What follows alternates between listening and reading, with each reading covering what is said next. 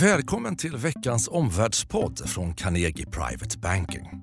Omvärldsstrategerna Helena Haraldsson och Henrik von Sydow belyser tre händelser inom makro och politik som påverkar de finansiella marknaderna.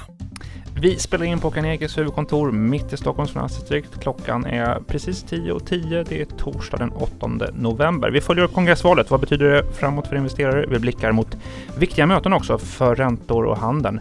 Fed och G20-mötena snart. Eh, plus dessutom en inblick i Carnegies färska småbolagsbarometer. Vad säger det om bolagen och vad säger det om svensk konjunkturstyrka? Tre analyser på 10 minuter. Du är mycket välkommen till Omvärldspodden. Ja, första analysen Henrik. Det amerikanska kongressvalet slutade ju med en delad kongress. Demokraterna kontrollerar ju nu den ena kammaren, representanthuset. Mm. Eh, vad är din tolkning Henrik? Vad betyder det här för investeringsmiljön? Eh, vi kan säga att det tar bort eh, lite osäkerhet, ett osäkerhetsmoment som har funnits. Vi har till och med passerat ett riskdatum kan du säga. Mm, med det kanske en liten lättnadseffekt också. Resultatet var ju ja, nästan precis vad marknaden faktiskt hade räknat med, det som var konsensus. Också det att det, det är en splittrad kongress. Det kan ta del ta ner eh, en del risker framåt. Eh, det blir svårare för Trump att eh, fara iväg för fort och för snabbt och för långt. Samtidigt som det också, ja det finns ju inte förutsättningar för genomförande av Demokraternas allra mest, eller det som uppfattas som allra mest radikala förslag om skattehöjningar. Så en låst kongress kan inte göra någon aktiv skada. Mm.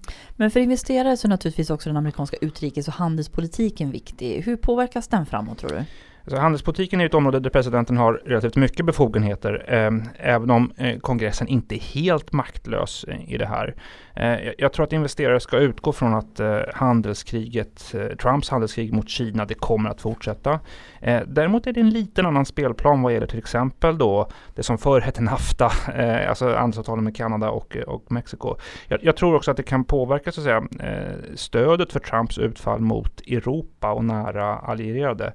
Um, det, där, det där kan bli lite mer begränsat av det här. Det många republikaner är ju också emot just de här utfallen mot nära allierade. Mm. Jag tror att det är viktigt att kolla på, på vad händer med den amerikanska ekonomin. Just nu går ju USA-ekonomin superstarkt får man ju säga. Skulle det här vända in mot presidentvalet om två år, då kan um, så att säga, handelskriget och omvärldens mottullar användas som en förklaring till en svagare mm. ekonomi. Det minskar nog också det politiska stödet för mm. det. Frihandel är ett viktigt område, men något annat är ju faktiskt finanspolitiken. Hur påverkas denna mellanårsvalen? Rätt, rätt begränsat. Man ska säga att budgeten för 2019 nästa år är ju redan anklagen, antagen och finansplanen är klar. Eh, ja, vi vet vad som inte kommer hända. Det kommer i varje fall mm. bli mycket svårare eh, med fler skattesänkningar. De skattesänkningar som har genomförts kanske inte blir permanenta heller ska sägas. Eh, vi kan säkert räkna med mera budgetbråk, eh, finansi finansieringen av federala myndigheter som man traditionellt sett bråkar om. Så säkert mer rubriker om detta som kan påverkar både dollar och kanske också aktie, aktiemarknaden framåt. Ska, no ska något ske i Washington så, så måste det nu eh, göras då genom att Republikanerna och, Demo Republikanerna och Demokraterna faktiskt kommer överens utgångspunkten är att det kommer bli svårt med sådana överenskommelser. Dels Trump som president, hans uppträdande hittills har inte skapat förtroende hos Demokraterna. Sen är det ju liksom ett polariserat politiskt landskap. Jag tycker man ska investera att sjukvårds, eller notera, notera, notera förstås då, att sjukvårdsfrågan var stor för, för, amerikanska väljare. Det där är intressant faktiskt. Det var ju, så var det i Sverige också. Det där kan leda till i USA då att intresset från båda partierna ökar för uh, frågeställningar kopplat till detta, till exempel regleringar för läkemedelsbolag. Någonting att mm. hålla koll på framåt. Ja, och vad är din lite korta slutsats Henrik ja, av det här? Vi har passerat en riskpunkt, ett osäkerhetsmoment är borta, en splittrad kongress. Det tar ner en del risker framåt. Helena, eh, nu när USA-valet ligger bakom oss, börshumöret är lite bättre efter oktoberkorrektionen.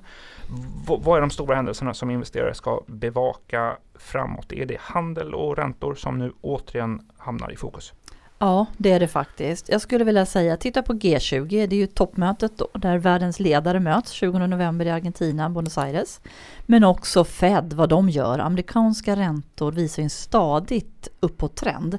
Trots att de ligger på ganska höga nivåer nu, så det blir spännande. Mm, både Fed-möte och G20-möte. Vad, vad, får vi för signaler inför G20-mötet? Jag skulle säga att förra veckans lite bättre börshumör, det motiveras ju faktiskt av signaler om att USA och Kina talar mer med varandra. Eh, det pratas om en gemensam middag mellan Trump och Xi som verkar stå på agendan då i samband med G20. Och det är klart att marknaden hoppas då att det här ska påverka tonläget i konflikten. Att det kan bli lite mildare. Eh, men valresultatet är ju inte en avgörande faktor tror jag, varken för upp eller nedtrappning av handelskonflikten mellan USA och Kina. Lite intressant kanske att Trump ändå verkade påverkas av börsturbulensen mm, och fler yes. bolag tar om kostnadstryck från tullar och kanske att det kan hålla tillbaka hans tullot då, utöver det du nämnde då med ekonomin. Så det kan vara en pressure point. ja, men kom ihåg hotet om 25-procentiga tullar mot fler kinesiska varor 1 januari ligger alltjämt kvar. Skulle det införas då är det väldigt negativt för då kan Kina känna sig förolämpade, komma med motåtgärder. Och sen vill jag också påpeka som du var inne på Henrik, konflikten är ju faktiskt större än handel. Minst det vi har pratat om i tidigare poddar, Vita husets säkerhetsdokument. Där man då säger att Kina stjäl teknologi och immateriella rättigheter. Yes. Och ganska intressant också med vicepresident Michael Pence tal här i början på oktober, 4 oktober. Där han sa att Kinas framfart måste begränsas. Man liknade vid ett kallt krig 2. Ett ekonomiskt kallt krig? Ja. Mm.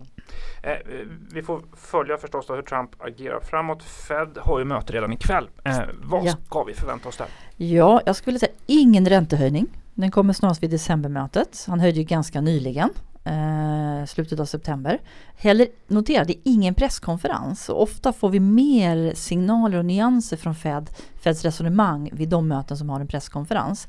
Men notera att blickar vi framåt mot 2019 eh, och 2020 då tror vi att marknaden kan bli överraskad av att Fed höjer mer än vad man idag förväntas göra. Marknaden tror nämligen inte på den räntebana som mm. de signalerar. Det skiljer faktiskt två höjningar, nästan en halv procent fram till 2020 och då är räntorna ändå på ganska höga nivåer. En tioåring är ju faktiskt på 3,20 över mm. det. Sen är det ju så att som du sa också Henrik, att ekonomin är ju superstark och det såg vi förra veckan. Två intressanta saker som talar för räntehöjningar. Lägst arbetslösheten sedan december 1969 och löneökningar, resultatet av det här, den strama arbetsmarknaden, det är att de stiger nu mer än 3% i årstakt. Mm, om du skulle summera de här två händelserna ja, framåt? Handeln ligger alltid i bakgrunden och kan påverka börsen. Men nu skulle jag säga att nu är det snarast räntorna viktigare och vi ser en tydlig risk för stigande räntor i USA och det sätter ju tonen för andra räntemarknader i världen. Mm, att notera. Den tredje analysen då, eh, Helena, om vi rör oss från den stora arenan och USA tillbaka till Sverige och går lite grann från makro till mikro också. Eh, vi såg ju att bolagens eh, resultat var okej okay under rapportperioden, utsikterna samtidigt lite sisådär. Eh, analyt flera analytiker reviderar ner vinstprognoser framåt.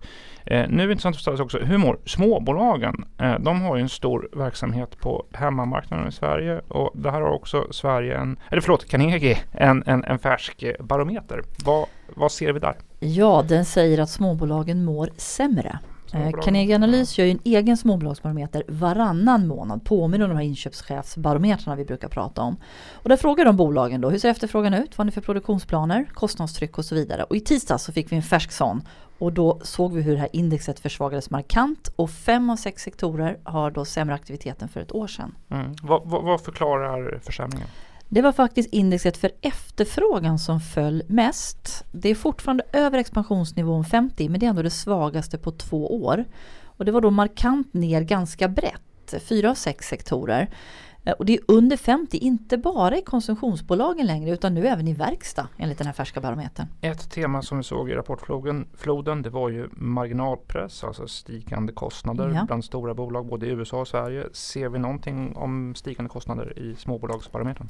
Ja, absolut. De bekräftar det här. Eh, man ser det på två sätt. Index för försäljningspriser avtar, men indexet för kostnadstrycket stiger. Och det är en lite besvärlig kombination mm. för lönsamheten. Och det är några sektorer som visar särskilt högt kostnadstryck, då, både på nivå men också ökning jämfört för barometern för två månader sedan. Och det är just verkstad, mm. handlar nog mycket om råvaror, men också konsumtionsbolagen, kanske den svaga kronan börjar slå igenom. Och lite inom hälsovårdsbolagen också, lite oklart varför där dock. Mm. Ska man ha någon brasklapp så ska man säga att totalindex då här barometern är 50, över 50 trots att det här gjordes mitt i då börsturbulensen i oktober. Ja. Mm. Och att försvarsfrekvensen var något lägre men ändå tydliga trender. Vad gör Carnegies analytiker med vinstprognoserna? Syns den här lite sämre bilden även där? Svar ja. Eh, vi ser ett tydligt nedställ i vinstnivån för 2018 och för 2019 så har vinstkurvan planat ut. Och det är faktiskt så att vinstnedrevideringen för 2018 som vi såg sista månaden, det är den största vi har sett de senaste fem åren. Det finns några unika händelser. Det är stora besvikelser i NCC och Getinges rapporter då. Mm. Men pratar vi med Carnegie Analys så är det tydligt att majoriteten av småbolagen Där ser vi sänkta vinstprognoser nu. Mm. Vad är din slutsats utifrån Carnegies analys småbolagsbarometer? Det går inte att komma till något annat. Det är oroande signaler. Mm. Eh, vinsterna revideras nu ner i majoriteten av bolagen och inkluderar vi NCC och Getinge så är den största vinsten i revideringen på fem år. Mm. Det gör alltså att det finns tre slutsatser som vi tar med oss från dagens samtal. Det första är mellanårsvalet i USA över, ett osäkerhetsmoment är borta. Eh, splittrad kongress, kanske inte så illa för börsen framåt. Efter kongressvalet är det nu fokus på handel, G20-mötet inte minst i november och räntorna, Feds möte eh, här i närtid. Ehm, det tredje slutsatsen, oroande signaler i vår småbolagsbarometer. Vinsterna revideras ner. Som vanligt händer det mycket på Carnegie Private Banking. Ikväll så har vi AI-kväll tillsammans med Breakit på vårt nya kontor i Linköping. Då är undertecknad faktiskt på plats där. Nästa vecka eh, har vi också lunchseminarier för eh, blivande kunder i Norrköping och Linköping. Då är du på plats där Helena. Ja. På torsdag, nästa torsdag, då blir det Omvärldspodden igen. Då hoppas vi hörs då. Tack! Tack för att du har lyssnat på Omvärldspodden från Carnegie Private Banking. Vill du veta mer om vad som händer i vår omvärld och få aktuella idéer till affärer? Gå då in på www.carnegie.se veckans viktigaste och prenumerera på vårt nyhetsbrev.